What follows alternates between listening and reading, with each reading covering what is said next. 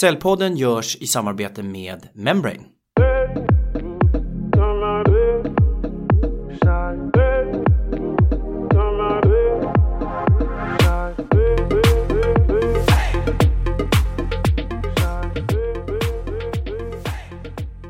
Välkommen till Säljpodden, en podd för oss som gör affärer som ges ut i samarbete med Säljarnas Riksförbund.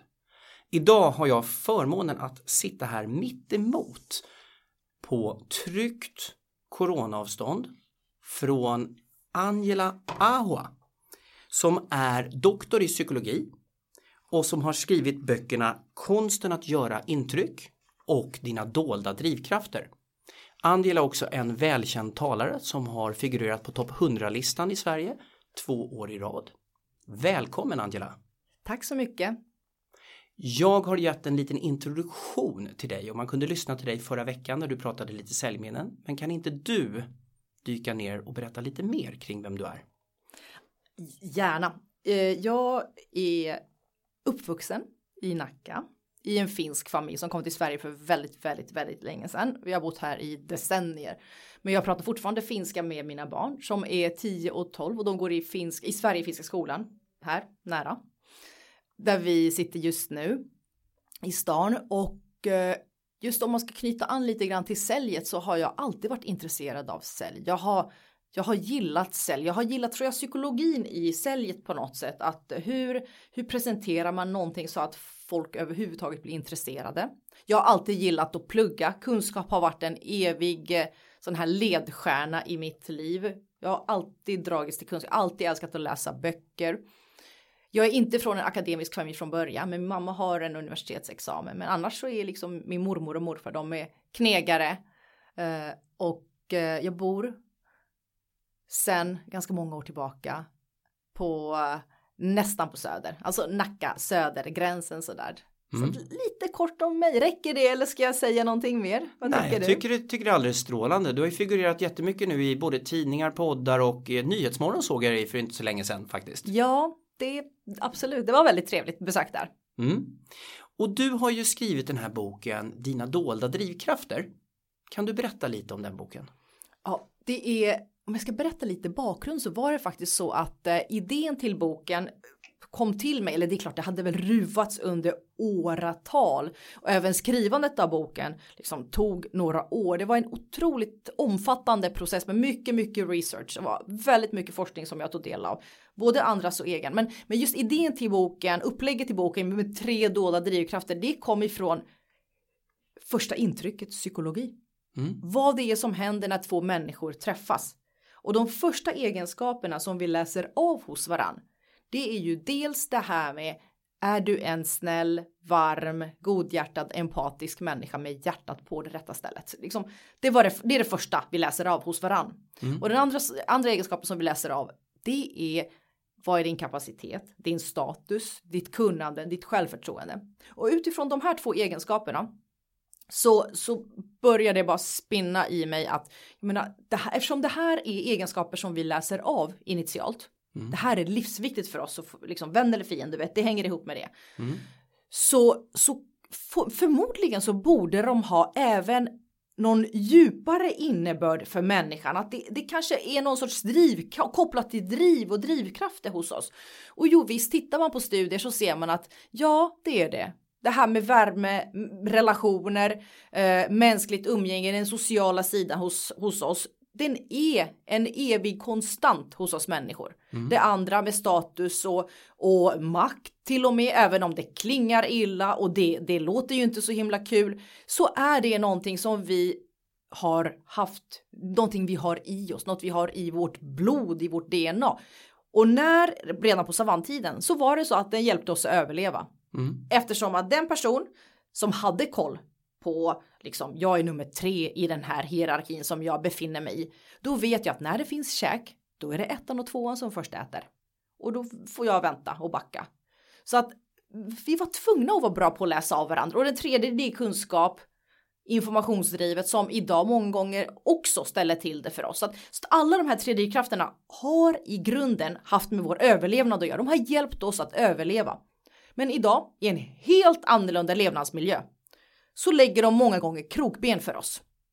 Relation, status, kunskap. Det är de tre dolda drivkrafterna. Hur lägger de krokben för oss? Kan du utveckla? Det är, vi säger status till exempel, får oss att jobba alldeles för mycket, försumma familj, försumma tid med de egna barnen kan det få bara för att vi har det här drivet av att eh, vara någon eller ha en bra position i vår, i andras och våra egna ögon.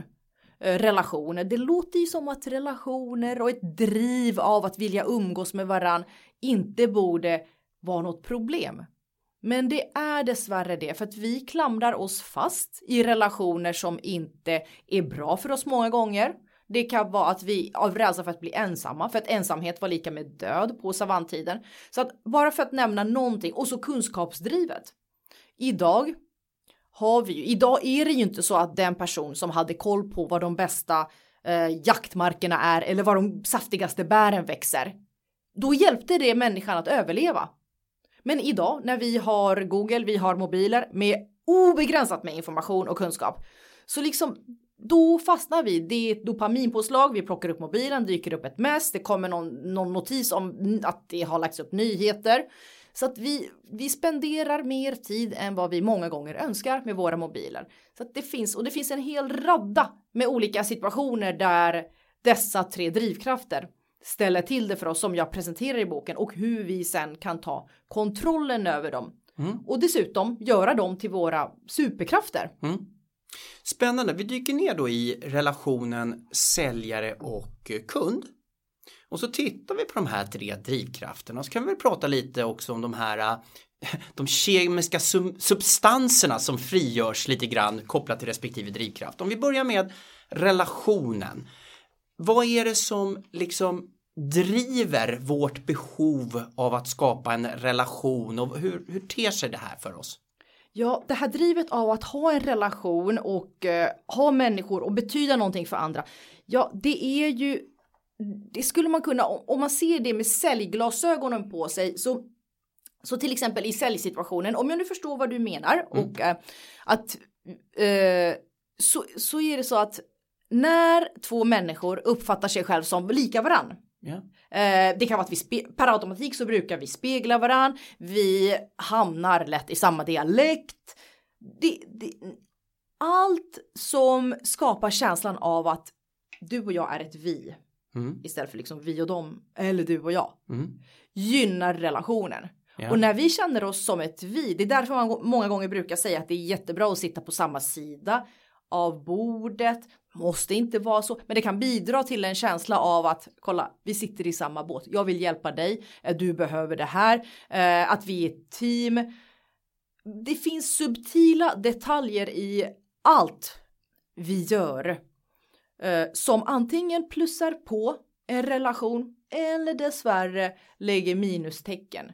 Och just det här med att när vi upplever oss som lika varandra, när vi upplever att vi är inkluderade i gänget istället för att vi upplever oss som avvisade. Så det, det finns en myriad av bara att stå med ryggen lite så här snett mot någon kan skapa en känsla av att personen är avvisad. Mm. Och då blir det ett litet minustecken i den relationen istället för att vända liksom fronten av kroppen mot personen. Så det här är ett konkret tips att tänka på ja. för en säljare som kommer till en potentiellt ny kund eller till en befintlig kund till exempel. Ja, och jag tycker vi kan, vi behöver inte ens Grejen är den att vi hamnar lätt i liknande kroppsposition. Om den ena sitter med armarna i kors eller med armarna i knät. Jag menar då per automatik så hamnar vi själv också i en liknande position. Så vi kan prova att tänka på det och då märker vi att ah, jo mm. visst, visst är det så här. Mm. Men det är ju spegling. Eh, tycker du att vi ska tänka väldigt mycket på vår spegling så att vi nästan spelar ett spel eller vad är, vad är skillnaden på att faktiskt anpassa sig helt och hållet och vara naturlig? Alltså hur, hur, hur förhåller man sig till det här? Det där är ju så viktig poäng det du tar upp nu och jag tycker absolut inte att vi ska eh, göra om oss utan vissa man, det finns en, en personlighetsteori som heter the big five. Mm. Och det är femfaktormodellen kallas den på svenska. Utifrån den så har vi människor Ibland snackar man också om, om att det finns liksom färger och sånt där, men det pratar inte vi om, utan det här, det här, the big five, det är någonting som är vetenskapligt och det är, det handlar alltså om att alla vi människor, du och jag och person X där ute på gatan som knallar, alla vi har mer eller mindre av fem olika dimensioner. Mm. Alltså, ska jag nämna dem? Fem? Gärna. Ja, alla de, det, det första är, eller den första första, men en av dem är hur pass extrovert man är kontra hur introvert. Så man kan vara extrovert eller introvert eh, eller någonstans däremellan. Sen kan man vara mer eller mindre öppen för nya upplevelser. Är man väldigt öppen för nya upplevelser, då tar man en ny väg hem eller till jobbet eller till skolan bara för att få uppleva någonting nytt. Mm. Vill man inte göra det, då är man förmodligen mer åt det trygghets, mer personen som uppskattar och har mer rutiner och förutsägbarhet i sitt liv. Mm. Så vi kan vara på olika platser även där på den skalan. Sen kan vi vara olika mycket vänliga, alltså det, det kallas för sympatiskhet eller vänlighet. Och det är liksom, vissa personer är väldigt liksom inriktade på att, att ha fina positiva interaktioner med andra och andra är lite mindre så eller mycket mindre så. Mm. Och så finns samvetsgrannhet och det är liksom hur noggrann är jag? Hur viktigt är det för mig att skorna här där hemma står i liksom raka rader eh, och så vidare. Och sen den sista och femte faktorn, det är faktiskt, det kallas, det är lite mindre trevligt och det är emotionell instabilitet. Mm. Och den handlar om hur pass lätt stressad jag är, hur, hur irriterad och hur sur jag är. Eller så är jag inte alls emotionellt instabil. Mm. Så att vi kan alltså, alla vi kan ha olika mycket av dessa fem.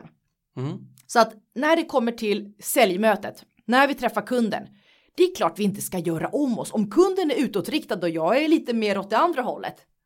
Jag menar, då ska inte jag spela en roll.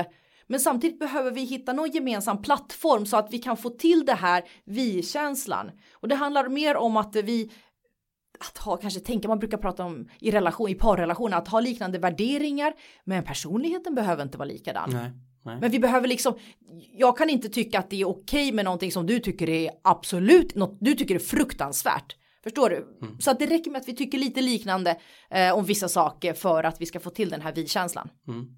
Vi har ju pratat i ett tidigare poddavsnitt med en kvinna som heter Desiree Rova som var grundare till My Needs. Hon byggde sin, eh, sitt personlighetstest eh, eller sitt eh, drivkraftstest ska jag säga på self-determination theory. Och här hör jag mycket likheter.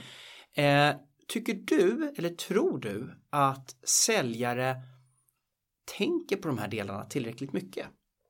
Är man, en, är man en riktigt duktig säljare som har jobbat länge i branschen eller man behöver inte jobba länge, men man är bra. Mm. Då tror jag att man börjar ha det här i ryggmärgen. Mm. Mm. Jag, jag, tror inte att man behöver reflektera så mycket steg för steg. Att nu, nu gör kunden så här, nu sa kunden så här. Nu behöver jag anpassa mig, mitt agerande, mina ord utifrån situationen. Jag tror att då har man det i sig rätt mycket. Det sitter i. Mm. Ja. Mm. Men när kommer det här då? Kommer det med modersmjölken eller kommer det med träning eller hur, hur fungerar det? Jag tror att först och främst vissa människor är väl mer lyhörda. Vi, vissa människor är mer liksom, vi tar in mm. och vi försöker tolka vad, vad, vad verkar den andra vilja? Vad, det kan vara i vänskapsrelationer också, i en parrelation. Och, och andra är mindre lyhörda för andras behov. Men samtidigt, vi kan nog alla bli bättre. Och generellt med åldern och med, med ökad mognad så så får vi ofta ett, vi får oftare ett annat lugn i oss.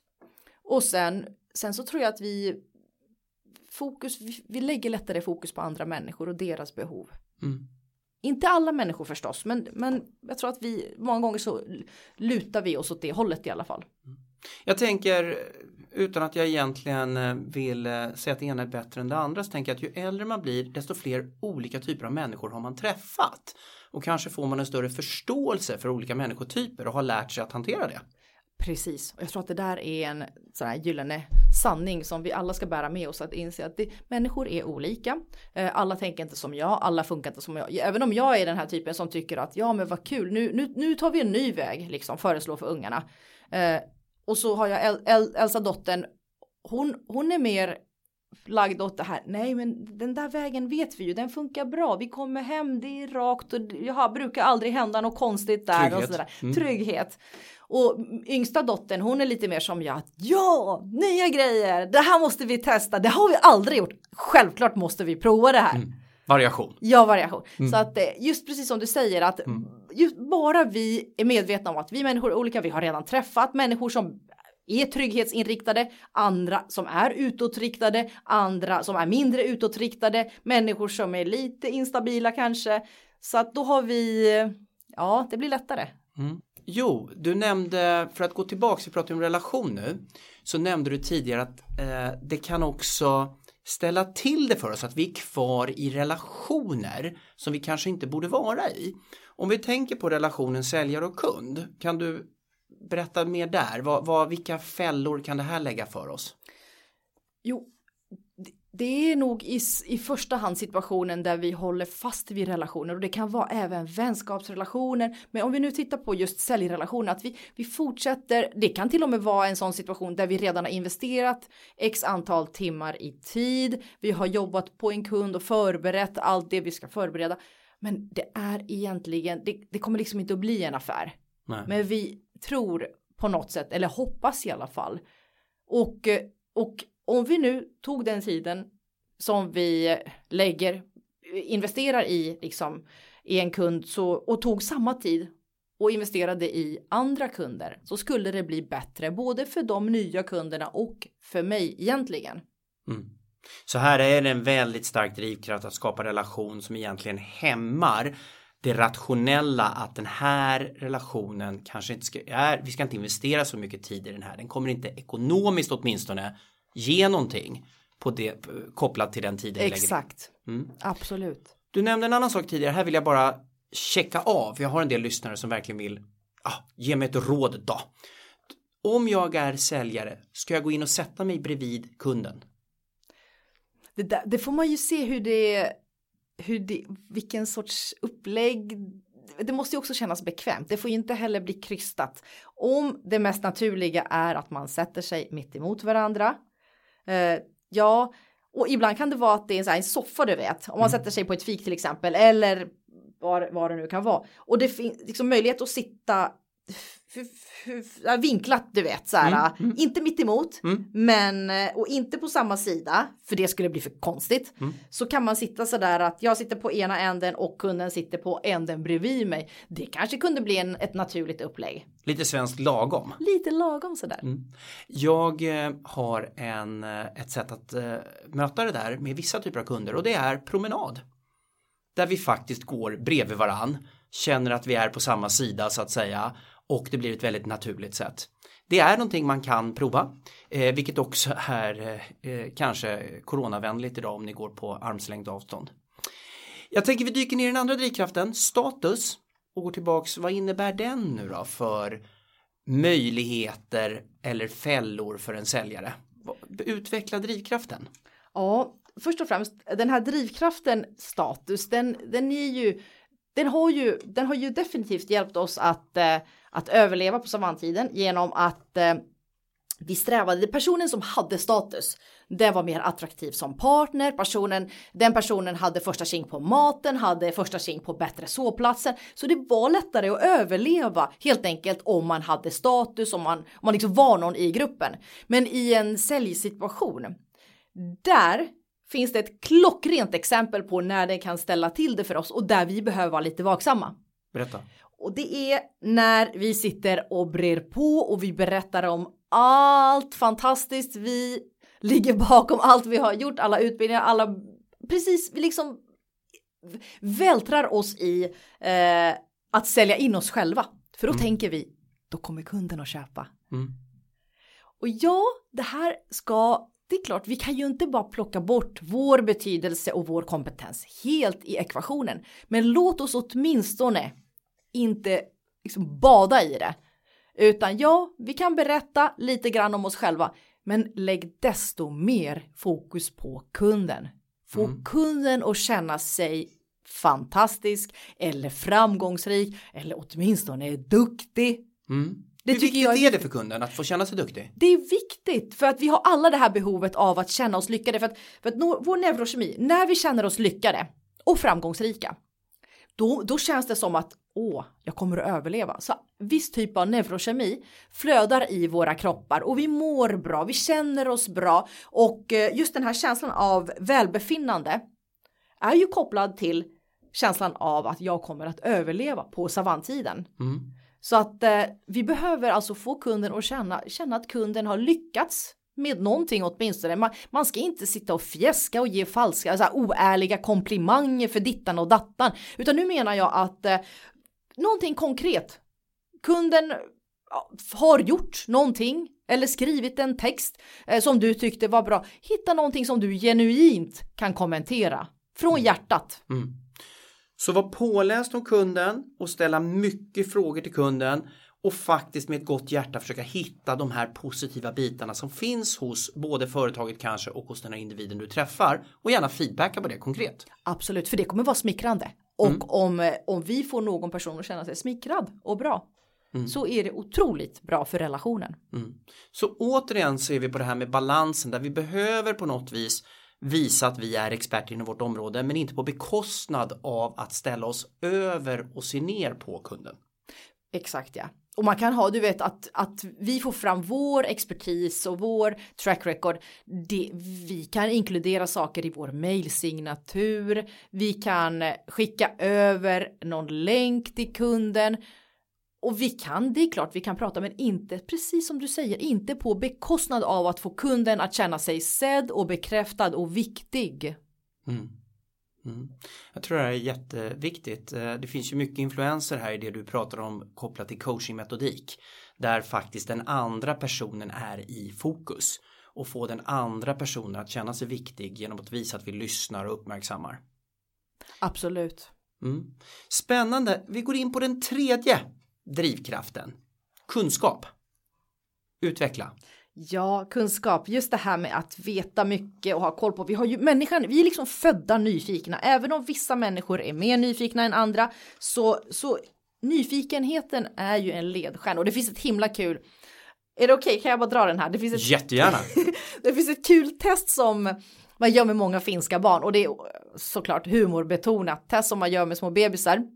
Jag har skrivit om den i boken också och det var min mm. systerson Dante. När han var en liten spädis så, så då lägger man fram tre föremål framför mm. barnet, en, ett par meter. Barnet ska kunna krypa vid det här laget då. Mm. Då lägger man fram en eh, tight rullad sedelbunt. Ja. Man lägger en vodkaflaska ja. mm. och så lägger man en bibel. Mm. och det här är ju, alltså det här då humorbetonade testet, det handlar ju om livsval. Vad som mm. kommer vara det lilla barnets då framtida ledstjärna i livet. Mm. Och Dante, min systerson, han kröp ju fram till Bibeln och hela familjen kunde pusta ut. Att okej, okay, bra, det är kunskap som kommer att vara personen, liksom boken. Bibeln får mm. representera bok och kunskap, ja. Mm. Till skillnad från då makt, sedelbunten, ja. eller alkohol, spritflaskan. Ja, och kunskap har ju drivit oss eftersom det hjälpte oss i vår överlevnad.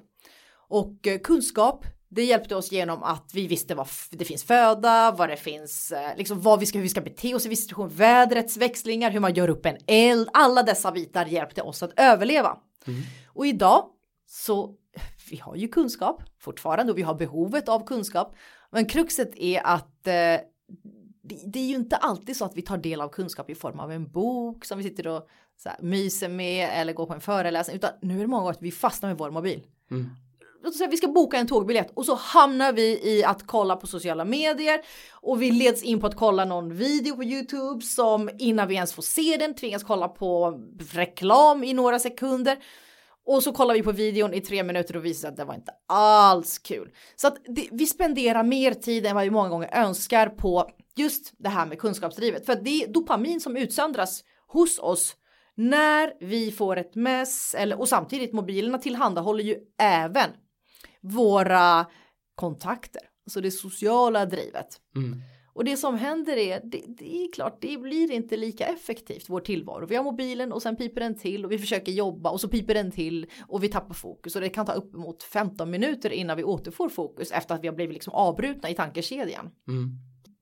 Om vi nu tittar på det här som du har utvecklat och pratat kring i boken också kring det här med kunskap. Vad innebär det för säljaren då, då konkret? Hur, vad behöver säljaren tänka på i mötet med kund när man har den här drivkraften, kunskap eller kunden har den drivkraften? Ja, vi blir ju mindre effektiva lätt. Men just i kundmötet så en, en positiv sak att tänka på det är till exempel att anteckna för hand mm. än via dator. Mm. För dels den här laptopen blir en fysisk barriär och den lägger till ett litet hinder i relationen. Även om det känns som att det, det är ju lite löjligt nästan. Det ska den inte kunna göra. Men, men faktiskt alla fysiska hinder påverkar relationen. Så att eh, precis som jag har, om jag har armarna i kors så blir det som att jag har en liten barriär mot dig. Mm. Men ja, att ta anteckningar för hand. En annan sak är givetvis att, eh, att eh, stänga notiser i appar. Vill mm. vi inte bli störda, då, då behöver vi minska på störningsmomenten. Mm. Och en annan sak, att tillämpa närhetsprincipen. Mm. Vill vi inte använda mobilen fullt så mycket som vi gör, då får vi lägga bort den. Vi får lägga bort den i ett annat rum, kanske rent av. Mm. Och så på något sätt liksom utveckla det här mindsetet att ja, allting är, jag, jag, liksom, jag behöver inte eh, att försöka lära sig programmera sig ur de här kickarna som mobilen ändå ger oss. Mm. Har man, boken heter Dina dolda drivkrafter. Eh, hur tar man reda på vilken av drivkraften som är starkast för mig som person? Där får man eh, jobba på att eh, öka sin självinsikt helt enkelt och det är det kan man ju göra på olika sätt. Jag, jag kan ju säga personligen så kan jag nämna att för mig har kunskap alltid varit viktigt. Mm.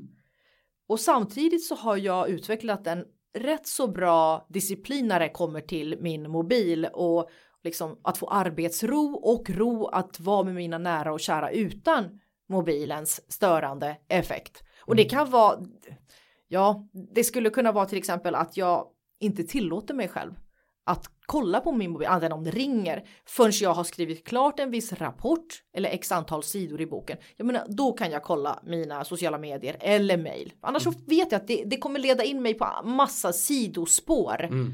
Men just det här med vilken drivkraft som är viktig. Jag vet också om jag ska ta lite egna exempel. Det är, jag vet att jag är en social människa.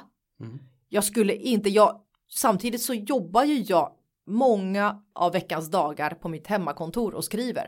Men jag behöver samtidigt de här sociala doserna när jag är ute på mina inspirationsföreläsningar och får den här sociala kicken. Mm. Jag mår så himla bra när jag är bland folk och, och du vet står och får prata inför människorna, dela med mig och få interagera med en publik och sen efteråt när folk kommer fram och antingen vill köpa boken eller eller fråga eller kommentera någonting. Jag mår så bra, jag liksom flyger. Och den sociala biten, jag, jag, man får helt enkelt kolla så här, när mår jag som bäst? Mm. Mår jag som bäst efter att jag har fått umgås med mm. människor? Mm. Mår jag som bäst när jag, liksom, för vissa människor mår ju väldigt, väldigt bra av status. Det blir det blir, det blir det övergripande målet nästan. Det mesta kan försummas, men nej, jag måste ha status och det här kallas inom psykologin för social dominance orientation. Att mm. vara en person, alltså SDO, mm. eh, då, då är man väldigt, väldigt, väldigt fokuserad på just makt och status och det här hänger många gånger ihop med narcissistiska personligheter också. Mm. Så att man får ju vara lite så här vaksam, eller mm. är det kunskap?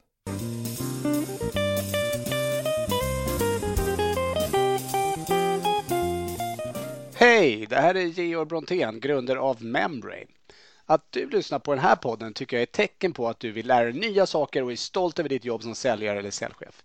Den stoltheten delar jag med dig. Som entreprenör och bolagsbyggare vet jag att utan försäljning så händer ju ingenting. Det är min övertygelse att det är hur vi säljer som är skillnaden som gör att vissa lyckas medan andra misslyckas. Och det här kommer bli ännu tydligare i framtiden, särskilt inom B2B-försäljning. Tyvärr så är det så att de flesta CRM-verktyg som säljare tvingas använda idag inte utvecklades med den här insikten. Därför så har de inte blivit mycket mer än glorifierade adressböcker. Och kanske var det här tillräckligt när ni valde det CRM-system som ni använder idag, men det kommer inte vara tillräckligt i framtiden om ni vill bli bäst. Därför har vi på Membrane utvecklat ett system som går bortom att logga information och istället fokuserar på hur ni ska arbeta med försäljning för att vinna fler affärer och skapa konkurrensfördelar. För framgång inom professionell försäljning handlar om att utveckla människor och arbetssätt, inte bara databaser. Låter det här intressant? Maila oss då på kontakt.membrane.com eller besök www.membrane.com för att lära er mer. Måste bara, känslig fråga, eller den är inte känslig egentligen.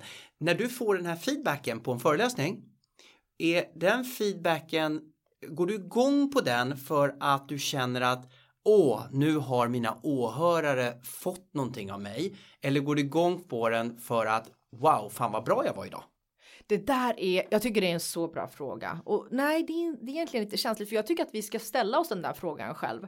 Mm. Och när det kommer till just när jag är ute och träffar folk och föreläser så jag jag har ju undervisat på universitetet, mm. på Stockholms universitet, på psykologen förut. Och eh, det, jag blev så lycklig när människor kom fram. Jag undervisade en del i metod och statistik.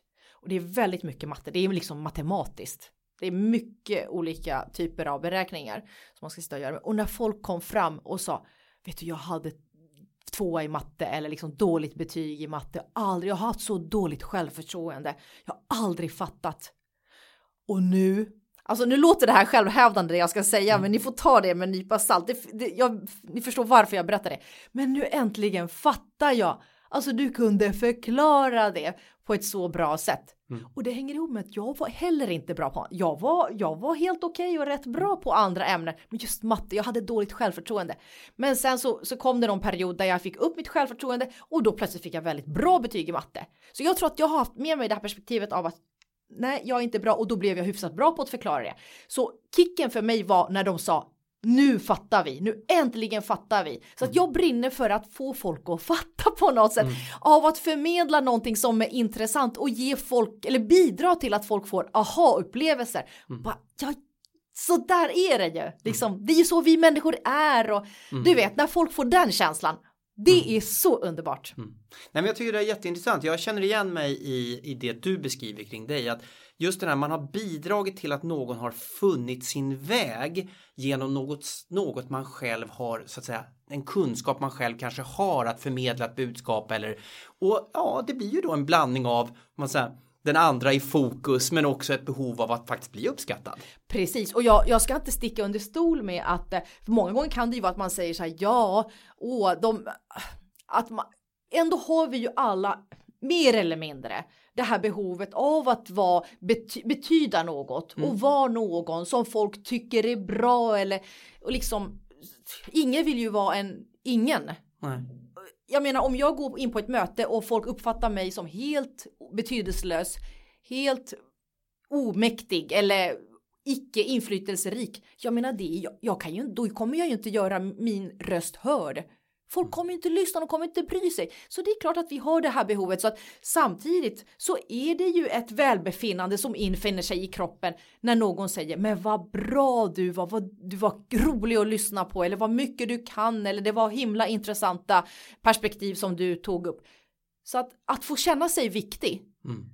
Att jag får känna mig viktig, att kunden får känna sig viktig. Det, det finns i oss.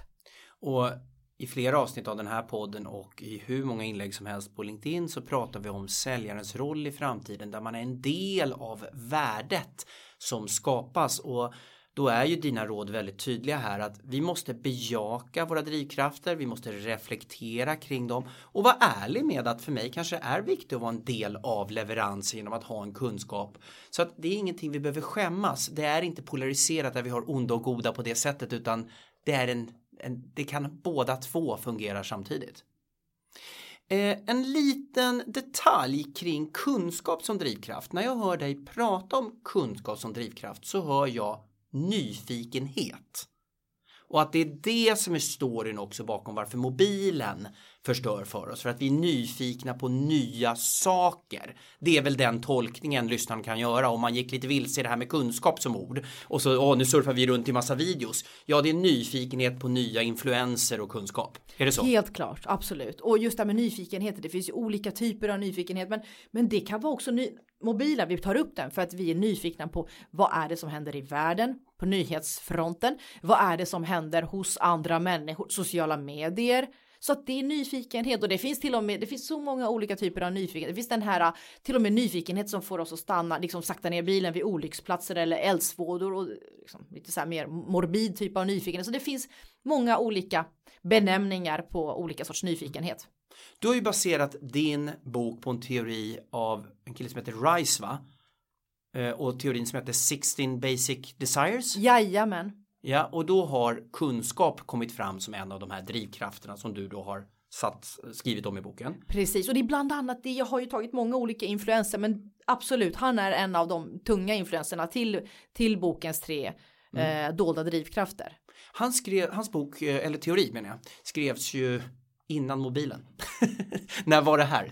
Är det 1600-talet, 1800-talet? När kom den här teorin? In, Någonstans fullt, där. Ja, inte fullt lika länge sedan, men det är en stund sedan i alla fall. Ja. Om du hade döpt den själv idag, om du hade gjort grundteorin, hade det hetat kunskap eller nyfikenhet? Jag har till och med kallat den ibland för informationsdrivet. Ah, Okej, okay, bra. Så att eh, det, vi dras mot information, vi är nyfikna, eh, vi söker kunskap så att de är lite överlappande de här begreppen men jag tycker nyfikenhet låter också väldigt bra. Mm. Ja, men jag gillar det, men jag var bara reflektera lite här. Du, som sagt summerat, jätteviktigt att reflektera kring vilka egna drivkrafter man har, för de påverkar hur du beter dig och de påverkar hur du uppfattas. Men också försöka då tänka lite kring att du har en person på andra sidan bordet också, en kund, eller i andra änden av telefonen eller i andra änden av ditt mail eller vad det nu är, som faktiskt uppfattar dig och på ett specifikt sätt baserat på det här då. Eh, jag tänkte skulle dyka till ett annat ämne som du har pratat om tidigare som jag brinner väldigt mycket för och det handlar om det här med att sätta mål. Ska vi sätta höga mål eller ska vi sätta låga mål? Det där är en balansgång. Mm. Och jag tycker vi ska sätta mål som är nåbara. Mm. Eh, men om vi systematiskt sätter mål som vi inte når eller vi sätter mål som vi systematiskt når, liksom veckans mål och det är klart redan på onsdag. Jag menar, då är det lite för låga mål. Mm. Vilka konsekvenser får det av att nå, om vi börjar i ändan, jag når målen väldigt lätt. Vilka konsekvenser får det? Då får det konsekvensen att vi spiller tid och vi underpresterar för att vi kan göra mer. Vi håller oss inte tillräckligt stimulerade så att eh, ja, det blir den effekten. Sätter vi för höga mål å andra sidan, då blir ju effekten av att eh, effekten att vi känner att det här, vi tappar ju sugen till slut mm. eftersom vårt självförtroende får sig en tilltufsning varje gång vi känner att inte denna vecka heller eller inte denna månad heller nådde jag mina mål. Mm. Så att det, det är därför vi behöver hitta den här gyllene lagomvägen där så att vi håller, alltså vi får kämpa på så att det hålls stimulerande så det hålls liksom vi håller, håller oss alerta. Det ska vara kul men inte omöjligt. Det ska vara lite av en fight. Mm.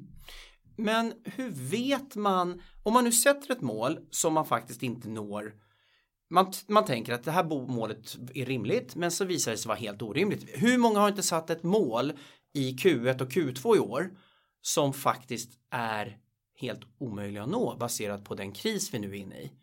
Hur gör man då? Då, då tycker jag man ska fundera på vad finns det något sätt jag kan lägga ner min tid, sätta mål som, som till exempel jag. Mm. Eh, mina talaruppdrag blev ju flyttade för folk får inte samlas i grupper, inga, inga stora grupper i form av liksom en publik. Och eh, så jag har ju det, dels inspirationsföreläsandet och sen har jag skrivandet. Nu, nu, nu drar jag ett exempel från mitt liv bara hur jag Jättebra. har tänkt. Ja, så att, eh, då, och då, då, då har jag istället gjort så att jag har lagt ner mitt krut på skrivande. Mm. Och det blir väldigt mycket promotion kring nya boken. Mm. Så att det, tiden, dagarna tickar på. Det händer rätt mycket eller väldigt, väldigt mycket mer än vad jag hade tänkt mig. För jag tänkte så oj, nu blir det här liksom hela typ, vårterminen. Alla uppdragen är till hösten. Ja, vad ska jag göra? Ja, jag hann inte sitta och sucka länge innan jag insåg att nej, det är nog väldigt bokade dagar ändå. Mm. Så att så kan man göra. Man kan och man kanske kan genomföra vissa vissa affärer, vissa, jag vet att det är liksom hela samhället går ju på, är ju lite på paus ja. nu. Så att men man, jag tycker man kan försöka, jag har jobbat lite med min hemsida, mm. man kan ta lite nya bilder, försöka hitta saker och, och fräscha upp sitt säljmaterial. Mm. Göra saker som kanske borde blivit gjort för två år sedan redan. Mm. Revidera helt enkelt ja. målbilder. Eh, revidera action plans. Mm. Eh, jag tror ju väldigt mycket på att sätta, ja, höga eller låga mål, det där är ju lite hur långt det är ett snöre. Men någonstans försöka hitta de här busshållplatserna. Man ser liksom, på något vis ser man det som en resa till ett slutmål och på vägen dit så vill jag ta mig förbi olika busshållplatser, alltså delmål, där jag kan få checka av. Jobbar du på samma sätt? Jajamän, det gör jag. Jag har mina liksom att göra-listor och, och tittar man på drivkrafterna Mm. Så, och det här med status och den här känslan av att jag är lyckad som Mm. vi vill känna. Mm. Så just din, ditt sätt att jobba på Mm. får oss att fungera och må optimalt när det kommer till den biten eftersom att vi behöver varje dag liksom känna att ja, där satt den. Det där gjorde du bra Angela. Nej, men vi behöver få känna det på kontinuerlig basis. Det ger energi, det får oss att orka fortsätta, det ger oss en bra, bra känsla till att fortsätta nå ytterligare nästa mål. Det här självförtroendet, det behöver vi många gånger. Mm. Jag tycker det här är jättebra det du lyfter. Jag vet att vi har många lyssnare eh, som har en utmaning i det här. Som sätter väldigt, väldigt höga mål och inte når dit. Vad har du för råd till den här typen av person? Du säger ju rakt ut här, vi behöver känna oss lyckade. Hur ska de tänka, de som har satt så höga mål och inte nått, känner att de har nått sina mål på länge? Målen behöver sänkas och förminskas. I alla fall under de perioder som till exempel som nu. Eller om man systematiskt sätter för höga mål. Så, så då behöver vi sätta lite mindre mål. Mm. För att det, det, blir inte, det, är inte, det är inte positivt, det blir inte hållbart och det är inte i linje med hur, hur vi, den mänskliga naturen, är funtad. Mm. Så att sätta för höga mål, det är egentligen inte, nu är jag rakt på sak, det är inte häftigt utan det är egentligen skadligt utan höga mål men i så fall är det nödvändigt med delmål så att vi får fira segrar. Jajamän, vi behöver få fira de här segrarna och samtidigt känna att, eh, att vi når de här höga målen. Om vi nu ändå ska sätta de här höga målen, om vi nu verkligen vill det, så ja, flytta datumet längre fram i alla fall och ha fler delmål. Mm. Ju fler delmål, nästan, eh, desto mer och oftare får vi känna de här bra känslorna som sen får oss att orka hela vägen. Mm. Och jag tror det här är väldigt viktigt att det som är högt mål för en person kanske inte är ett högt mål för en annan. Jag tittade på Mästarnas Mästare igår där man skulle hoppa jämfota upp på eh, en höjd och då satte någon en meter och någon satte en och tjugo och, och det där är ju viktigt att hitta vad är, ett, vad är ett svårt uppnåeligt mål för mig på sikt och vilka delmål behöver jag i min verksamhet eller i min försäljning. Det är ju det som är så viktigt att hitta. Ja, och vissa vill ju inte jobba liksom 10-12 timmar om dagen. Andra, andra tycker så här, men sex timmars arbetsdag. Ja, men då måste ju målen anpassas utifrån utifrån det också. Mm. Så att, och ens personlighet. Viss, Vissa liksom vill känna att vi är, liksom pushar oss, att vi är på gränsen. Medan andra, andra har en annan typ av personlighet. Mm. Du minns de här Big Five, Ja. femfaktorteorin. Mm. Och då, då, då räcker det med lägre mål. Mm. Vi är olika. Jätteintressant. Är det något annat du tycker att vi borde lyfta som du känner så här att om jag är säljare, det här måste jag verkligen förstå kring mänskligt beteende. Vad skulle det vara om du fick reflektera fritt? Jag, jag, det kanske låter lite dumt, men jag har suttit under så många års tid och gått igenom enorma mängder forskning och forskningsrapporter till boken Dina dolda drivkrafter. Jag har i slutet på varje, liksom, det är ju tre delar, Mm. tre drivkrafter. I slutet på varje så har jag tagit ett antal punkter där jag konkret staplar upp liksom, det här kan vara en utmaning. Om det är en utmaning eller ett problem så kan du göra så här för att slippa det eller för att göra det bättre eller till och med för att omvandla det till en, liksom en kraft eller en superkraft. Mm. Så att ja, det finns ju, när det kommer till alla tre drivkrafter så, så ja, det, det kanske är lite trist svar, men det finns många olika saker som vi kan göra, många olika aspekter. Mm. Jag tycker att den här boken är väldigt intressant. Den kompletterar mycket som jag har läst kring drivkrafter och mänskligt beteende som jag tror är viktigt att faktiskt reflektera kring. Jag kan rekommendera att ni, att ni läser den här boken. Den går att köpa på ja, vanliga bokhandlare på nätet. Till att börja med. Eh, avslutningsvis. Vad händer i ditt liv framöver? Nu framöver så det är, eftersom boken är så nysläppt, Mm. så är det rätt mycket, det blir en del till eh, tid som läggs på media, just Mm. radio och, och tidningar. Och det är ju väldigt, väldigt roligt. Mm. Eh, Jag sitter och skriver och eh, så, såklart, livet snurrar ju kring barnen och deras aktiviteter också. Men Mm. jag det, sitter hemma och jobbar på Mm. dagarna Mm. och ser fram emot när allting lättar och vi får se den här krisen blåsa över, vilket jag hoppas kommer att ske snart för alla skull. Mm. Jättetrevligt att ha dig med här idag. Ehm, och eh, ta hand om dig. Tack så hemskt mycket för att ni lyssnade på Säljpodden, en podd för oss som gör affärer. Ha det gott där ute. Tack så mycket. Hej då.